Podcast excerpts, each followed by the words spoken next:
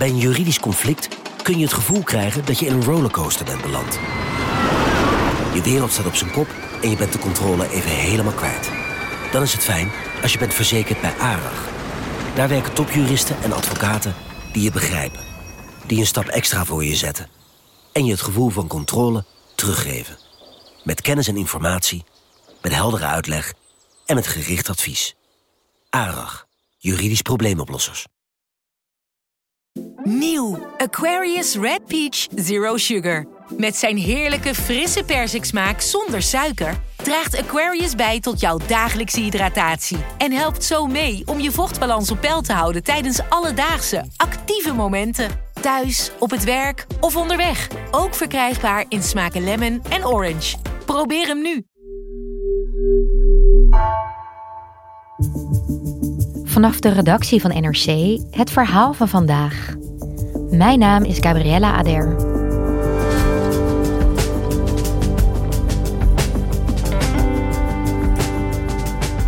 Op 15 maart gaat Nederland naar de stembus voor de provinciale statenverkiezingen.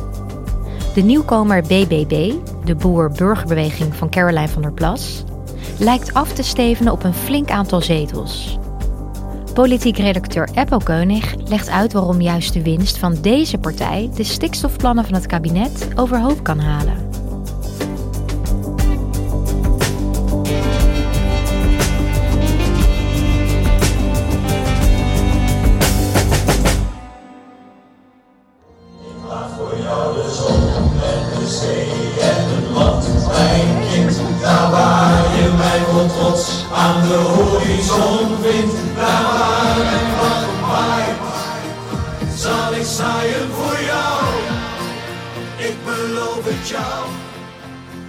Vanaf de politieke redactie van NRC in Den Haag volgen we de provinciale statenverkiezingen.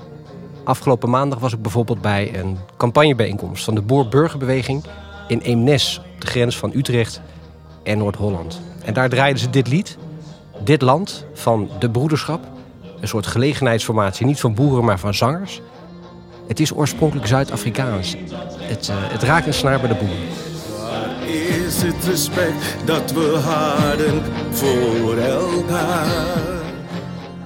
Dat lied verbeeldt de strijd die nu gaande is op het platteland en rond deze verkiezingen rond stikstof en de hervorming van het platteland. En je ziet er een clip bij met uh, blozende boerenkinderen, kinderen die appels plukken, runderen die naar de horizon lopen, waar de zon ondergaat. Het verbeeldt de schoonheid van het platteland. En dat hoor je ook wel een beetje aan de tekst. Dit land waar ik van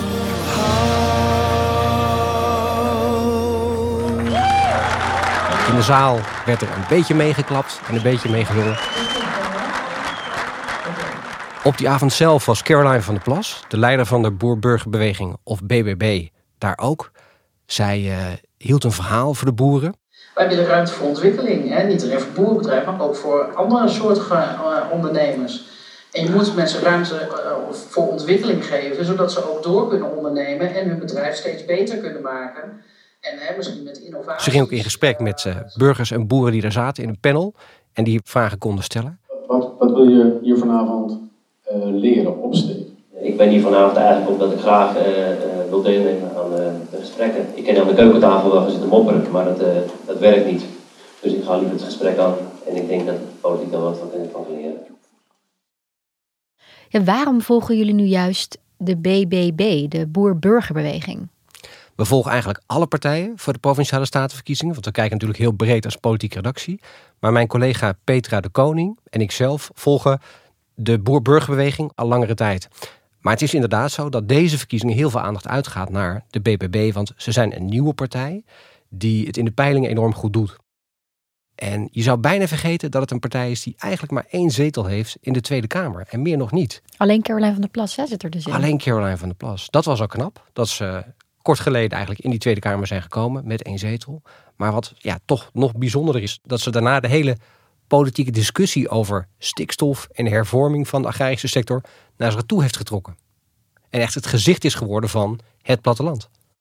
En daarmee ook kiezers waarschijnlijk van CDA en VVD gaan afsnoepen en uh, gaan groeien bij de komende provinciale statenverkiezingen.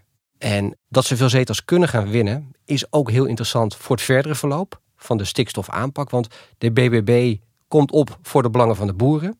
En ziet die zo als, ga niet te hard ingrijpen overheid. Laat onze boeren een beetje met rust. Dus stel dat de BBB nou veel gaat winnen in de provincies. Dan komt echt spanning te staan op de relatie met de Rijksoverheid en het kabinet. Als we heel even teruggaan, hè, wat, ik weet dat jij er waarschijnlijk al doodgegooid mee bent, maar wat zijn nou precies die stikstofplannen? Tja, het gaat eigenlijk om het beschermen van de natuur. Europa heeft gezegd in 1992 alweer bescherming natuurgebieden. En toen zijn er ook overal in Europa natuurgebieden vastgesteld. Natura 2000 gebieden. We hebben er 160 ongeveer in Nederland. En met een hoop van die natuurgebieden gaat het slecht. De biodiversiteit wordt aangetast en dat komt voor een groot deel door stikstof. Eigenlijk het kabinet heeft vastgesteld, we willen in 2030 de stikstofuitstoot halveren. A, om de natuur te beschermen, maar bijvoorbeeld ook om weer vergunningen af te kunnen geven voor nieuwe boeren of voor woningbouw. Want het land staat eigenlijk op slot, zegt het kabinet, als we niks aan die stikstof doen. En de stikstof komt met name uit die landbouw. Landbouw heeft de stikstofuitstoot al heel erg gereduceerd in de afgelopen jaren, maar stoot nog steeds te veel uit. Dus de natuur verslechtert nog steeds. En wat zijn dan precies de plannen nu van het kabinet en een notendop? Wat willen zij dan nu gaan doen? Dit eerste jaar willen ze de piekbelasters, de grootste vervuilers met stikstof, ja, daarmee in gesprek gaan. En ze het eerst uh, een vrijwillige uitkoopregeling bieden. Willen ze dat niet, gaan ze daar niet op in, dan kan vanaf volgend jaar dwang volgen. Dan zouden ze gedwongen uitgekocht of misschien zelfs onteigend kunnen gaan worden. En het gaat met name om veehouders en andere landbouw. Ja, die piekbelasters, dat is een groep van ongeveer 3000, vooral veehouderijen. En ook wel wat industrie, maar het gaat voornamelijk om boeren. En daaromheen komt er nog een soort normale uitkoopregeling van nog eens 10.000 boeren. Dus het gaat ook in bredere zin echt om een soort hervorming van het platteland naar duurzame kringlooplandbouw in de toekomst. Maar je zegt net al, dat zijn de plannen vanuit het kabinet. Hè? Wat heeft dat dan met deze provinciale statenverkiezingen te maken? De provincies die gaan over ruimtelijke ordening, waar wordt gebouwd bijvoorbeeld, maar ook over natuurbehoud en het naleven van milieuwetten. En de provincies hebben ook gevraagd, in dit stikstofverhaal geef ons nou regie. Jullie hebben je landelijke doelen, die halvering van die uitstoot in 2030. Laat ons nou in provincies met gemeenten gaan kijken hoe gaan we dat doel bereiken per provincie. Dus de provincies zijn het aan het uitwerken. Dat was ook wel fijn eigenlijk voor het kabinet, want er waren een hoop boerenprotesten afgelopen zomer. En nu kon het kabinet zeggen, weet je wat, we leggen het bij de provincies neer, die gaan, die gaan het uitwerken. En volgend jaar juli, dus dit jaar juli, komen we weer op terug. Maar je merkt nu in aanloop naar die provinciale statenverkiezingen, speelt die politieke discussie weer enorm op. De maatschappelijke discussie. En dat zal in de loop van dit jaar, richting zomer, alleen maar toenemen, verwacht ik. Ja, en zijn er nog andere plannen behalve die stikstofplannen die nu heel belangrijk zijn tijdens de provinciale statenverkiezingen? Of zeg je nou, dit is wel echt de hoofdmoot? Ruimte is gewoon een groot verkiezingsthema. En dat is heel breed. Dat gaat ook om woningbouw bijvoorbeeld. er is woningnood. Tuurlijk. Het kabinet wil 900.000 woningen bouwen tot 2030. Ook daar moet plek voor zijn. De energietransitie op langere termijn is belangrijk. Dan gaat het vaak om windmolens. Waar komen bijvoorbeeld windmolens? Een aantal partijen is daar tegen en zegt we vervuilen het landschap. Uh, linkse groene partijen zeggen ja, we moeten duurzame energie hebben. Dus ruimte in brede zin is, uh, is een groot thema bij deze verkiezing. En al die verschillende ruimtelijke vraagstukken komen samen in stikstof. Want stikstof gaat over de boeren, over de hervorming van het platteland. Maar stikstof legt op dit moment dus ook een hoop bouwactiviteiten stil. Het is niet zo dat er helemaal niet wordt gebouwd, maar het is wel beperkter. Dus het raakt ook de economie. En je voelt aan alles, er moet wat gebeuren voor de komende jaren. We moeten ergens doorheen, er moet een oplossing worden bedacht, een aanpak worden vastgesteld. Maar daar is hevige politieke discussie over.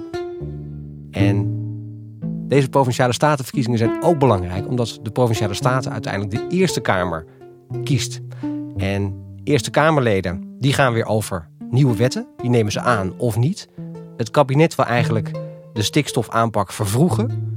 Je kunt je voorstellen als de BBB of Ja21 of rechts een flinke verkiezingswinst behaalt bij de provinciale statenverkiezingen, dat de nieuwe Eerste Kamer niet akkoord zal gaan met die vervroeging van de stikstofaanpak.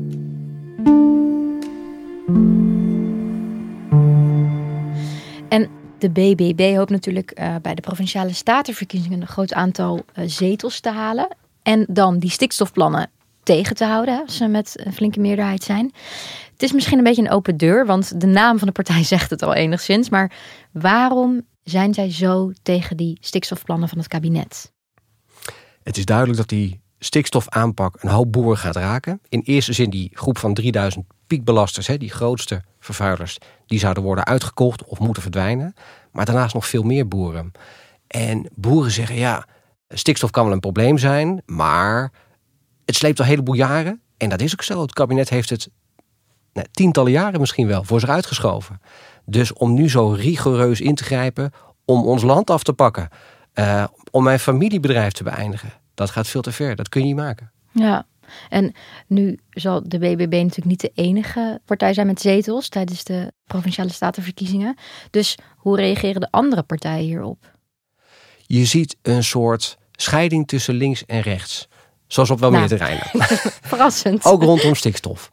Dus groene partijen, zoals GroenLinks of de Partij voor de Dieren, die staan voor een snelle en strenge stikstofaanpak. Die willen een systeemverandering in de landbouw. D66 als coalitiepartij zegt hetzelfde. Op rechts zie je wat anders. De meest rechtse partijen, bijvoorbeeld PVV en Forum, die zeggen van stikstof: het is een bedacht probleem. Het is eigenlijk helemaal geen probleem. Het is misschien wel een manier om land af te pakken van onze boeren en om daar huizen te willen bouwen. Dat kun je natuurlijk denken als rechtse partijen. Tegelijkertijd zijn er berekeningen dat als je 900.000 huizen erbij wilt gaan bouwen tot 2030, dat je daar misschien anderhalf procent van de huidige landbouwgrond voor nodig zou hebben. Dus maar een fractie. Je moet je ook bedenken, landbouwgrond in Nederland omvat de helft van de oppervlakte van Nederland. Naast PVV en Forum op uiterst rechts zitten bijvoorbeeld partijen als de BBB en Ja21 die zeggen we willen best doen aan, uh, aan stikstof, maar de meetmethode is bijvoorbeeld helemaal verkeerd. En het uitkopen van boeren kunnen we het over hebben, maar het gedwongen uitkopen van boeren of het gedwongen onteigenen van boeren, dat gaat voor ons veel te ver. Dan heb je een partij als de SGP, die ook kritisch is. En daarnaast kom je bijvoorbeeld bij de VVD en CDA, wat regeringspartijen zijn. En die ook het kabinetsbeleid onderschrijven van die stikstofaanpak. Maar tegelijkertijd in een moeilijke positie zitten. Want die hebben een achterban die deels op het platteland zit. Zeker het CDA, maar ook wel VVD. En je ziet ook dat provinciale afdelingen van die twee partijen, CDA en VVD, zich deels keren tegen de stikstofplannen oh. van het kabinet. Dus zelfs als de coalitiepartijen een, een, een, flink aantal zetels halen bij de provinciale staten, wil dat nog niet zeggen dat die meteen zich achter de stikstofplannen scharen. Nee, dat is precies wat je zegt. Ehm, niet alleen de BBB, maar bijvoorbeeld ook provinciale afdelingen van VVD en CDA in Drenthe of Overijssel of Gelderland zijn behoorlijk kritisch. Dus als die samen een college zouden vormen, is het de vraag wat er uitkomt. Interessant, spannend. Dat is het. En uiteindelijk zijn die wettelijke stikstofdoelen vastgelegd in de wet. Dus die moeten eigenlijk gehaald gaan worden. Maar hoe en in welk tempo, dat gaat nog een heel vraagstuk worden. Oké, stel je nou voor dat inderdaad de BBB in een heel aantal provincies groot wordt, zoals nu in de peilingen uh, wordt verwacht. Wat betekent dat dan voor die stikstofplannen van het kabinet? De boer-burgerbeweging is heel kritisch over die stikstofplannen van het kabinet. Caroline van der Plas heeft ook aangegeven, ja, als wij verkiezingswinst behalen en in besturen komen, gaan we niet zomaar meewerken. Want het gedwongen stoppen van boeren, daar zijn wij niet voor. En 2030 vinden wij te vroeg. Waarom zouden we dat doen? Dus daar gaan we het nog eens even over hebben als wij in provinciebesturen komen.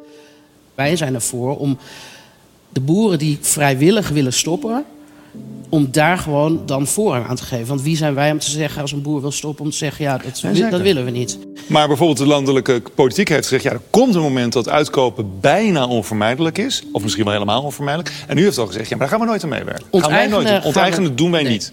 Dus ik vind dat een lastige spagaat. Wel meedoen in het college, waar onteigenen misschien een, een uiterste redmiddel zou moeten zijn. En nu bij voorbaat zeggen ja, doen we niet. Het is helemaal geen redmiddel. Het is schandalig als dat gebeurt. Ja, maar de, de landelijke politiek zegt maar het is een instrument. Je kunt je voorstellen dat uh, de BBB dan het initiatief wil gaan nemen bij het formeren van een nieuw provinciebestuur, als ze de grootste zouden worden. En misschien willen ze dat dan wel met kritische afdelingen van bijvoorbeeld CDA en VVD. En dan zou je zomaar een nieuw rechts provinciebestuur kunnen krijgen. Dan krijg je de situatie dat provincies eigenlijk dwars gaan liggen, terwijl de Rijksoverheid juist haast wil gaan maken met die stikstofaanpak. Uiteindelijk zijn die stikstofdoelen verankerd in de wet. Dus die moeten er komen. Dus het kabinet en de verantwoordelijke minister, Christiane van der Wal van de VVD, heeft ook al gezegd: dan ga ik dwang niet schuwen. Dus um, er is natuurlijk een, een palet uh, aan, aan mogelijkheden om meer regie te pakken. En uh, nou, dat, dat, dat, dat, zal ik niet schuwen, omdat het nodig is. Maar ik zet vooral in op samenwerking en partnerschap. Want daarmee bereiken we het meeste met elkaar. Maar daar wil ze eigenlijk helemaal niet over praten. Ze wil eigenlijk praten over, we gaan hier in goed overleg uitkomen. Als provincies niet met me eens zijn, ga ik nog een keer bellen, ga ik nog een keer langs. Maar het kan inderdaad zo zijn dat provincies dwars gaan liggen. En als het extreem zou worden, als provincies echt niet willen, dan zou in een uiterst geval uh, het Rijk, een provincie, een soort van onder telen kunnen stellen. Dat heet in de plaats treden van. Hoe dan neem je, dan? Nou, dan kun je eigenlijk beleid afdwingen bij een provincie. Op kosten van de provincie. Als een provincie iets echt niet wil, wat bijvoorbeeld wettelijk verankerd is, maar dan moet je het heel bond maken hoor. Dan moet je echt totaal niet meewerken aan die stikstofplannen. Dan kan de overheid wat doen. Wat meer voor de hand ligt, want minister Van der Wal heeft ook al gezegd, er is een palet aan mogelijkheden. Maar er is een hele pot met geld. Er is 24,3 miljard vanuit het Rijk voor de hervorming van de landbouw. Nou, dat is flink wat. Tot 2035. Ze heeft eigenlijk gezegd met zoveel woorden, als provincies niet meewerken, dan is er ook geen geld. Dus geld is natuurlijk een hele slimme manier vanuit de Rijksoverheid om ook dwang te kunnen uitoefenen zonder dat je nou echt dwang uitoefent. Ja. Die krijgt gewoon geen geld. Uh, uiteindelijk uh, kunnen de provincies alleen middelen krijgen, ook uit het transitiefonds, als er plannen zijn die getoetst zijn op het doelbereik. Dat is de enige manier. Ja, Apple. En tot slot, wat zegt het nou dat het stikstofdebat weer zo op de spits gedreven wordt? En nu ook weer in de provinciale staten gewoon zoveel over te doen is? Je kunt je die positie van de boeren wel een beetje voorstellen. Dat zijn soms oude familiebedrijven die grote onzekerheid hebben over hoe moet het verder. Uh, is er voor mijn kinderen nog wel ruimte om te boeren straks? Uh, wat wil de overheid nou van me? Wat voor uitkoopregeling ga ik krijgen? En kabinetten hebben de stikstofproblemen jarenlang voor zich uitgeschoven. En nu moet opeens heel veel gaan gebeuren in korte tijd, omdat er geen vergunningen voor woningen en zo kunnen worden afgegeven. Dus dat boeren boos en gefrustreerd zijn, dat, uh, dat is best begrijpelijk. En je ziet ook dat die stikstofdiscussie is eigenlijk ook een strijd om cultuur uh, van het platteland. Of uh, een strijd om ruimte. Die is eigenlijk breder. Zo wordt het ook geframed door politieke partijen. De achterban van die partijen, die wordt ook weer eigenlijk boos want die denkt, waar is dat kabinet mee bezig? De dreiging van geweld zit ook steeds op de achtergrond van deze discussie. Een politica als Caroline van der Plas wordt bijvoorbeeld beveiligd. Want oh ja. die, die, die wordt bedreigd. En niet alleen Caroline van der Plas, maar bijvoorbeeld ook een minister als Christiane van der Wal heeft ook boeren voor haar deur gehad. We hebben die beelden allemaal kunnen zien vorige zomer. Mijn kinderen staan hier binnen de trillen. Ja, ja, ja. Dus aan beide kanten worden politici en bestuurders geïntimideerd, soms zelfs bedreigd. Het is een discussie die eigenlijk gaat over iets heel technisch, stikstof. Maar het is in wezen een soort cultuurstrijd geworden. Er zijn protestdemonstraties aangekondigd, opnieuw op 11 maart, vlak voor de verkiezingen, door uh, Farmers Defence Force. En dat moet de grootste boerendemonstratie ooit worden in Den Haag. Op dezelfde dag dat Extinction Rebellion ook daar weer gaan protesteren. Dus dat zal nog een hele clash gaan worden. Het klinkt alsof het gewoon nog steeds of weer helemaal vastzit. Um, en de gemoederen dus hoog oplopen, begrijpelijk. Maar hoe moet dit nu verder? Het zal allemaal nog jaren gaan duren. Je hebt nu eerst de provinciale statenverkiezingen. We moeten maar kijken wat eruit gaat komen. Dan zal er dit jaar toch een regeling moeten gaan komen voor boeren. Maar wanneer die precies ingaat en of 2030 bijvoorbeeld echt een datum van halvering van stikstof wordt of niet, dat moeten we maar gaan zien. Ehm, en dan nog die hele hervorming van de landbouw naar duurzame landbouw. Sowieso de grote verbouwing van Nederland, waar het kabinet naartoe wil. Voor alle grote ruimtelijke vraagstukken voor de toekomst. Het gaat allemaal nog vele, vele jaren duren. Dus eigenlijk staan we pas aan het begin. Oei, oké. Nou, dankjewel, Eppo. Graag gedaan.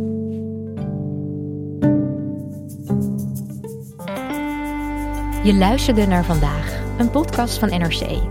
Eén verhaal, elke dag. Deze aflevering werd gemaakt door Iris Verhulsdonk, Lis Doutsenberg en Jeppe van Kesteren. Coördinatie door Henk Ruigrok van de Werven. Dit was vandaag, maandag weer.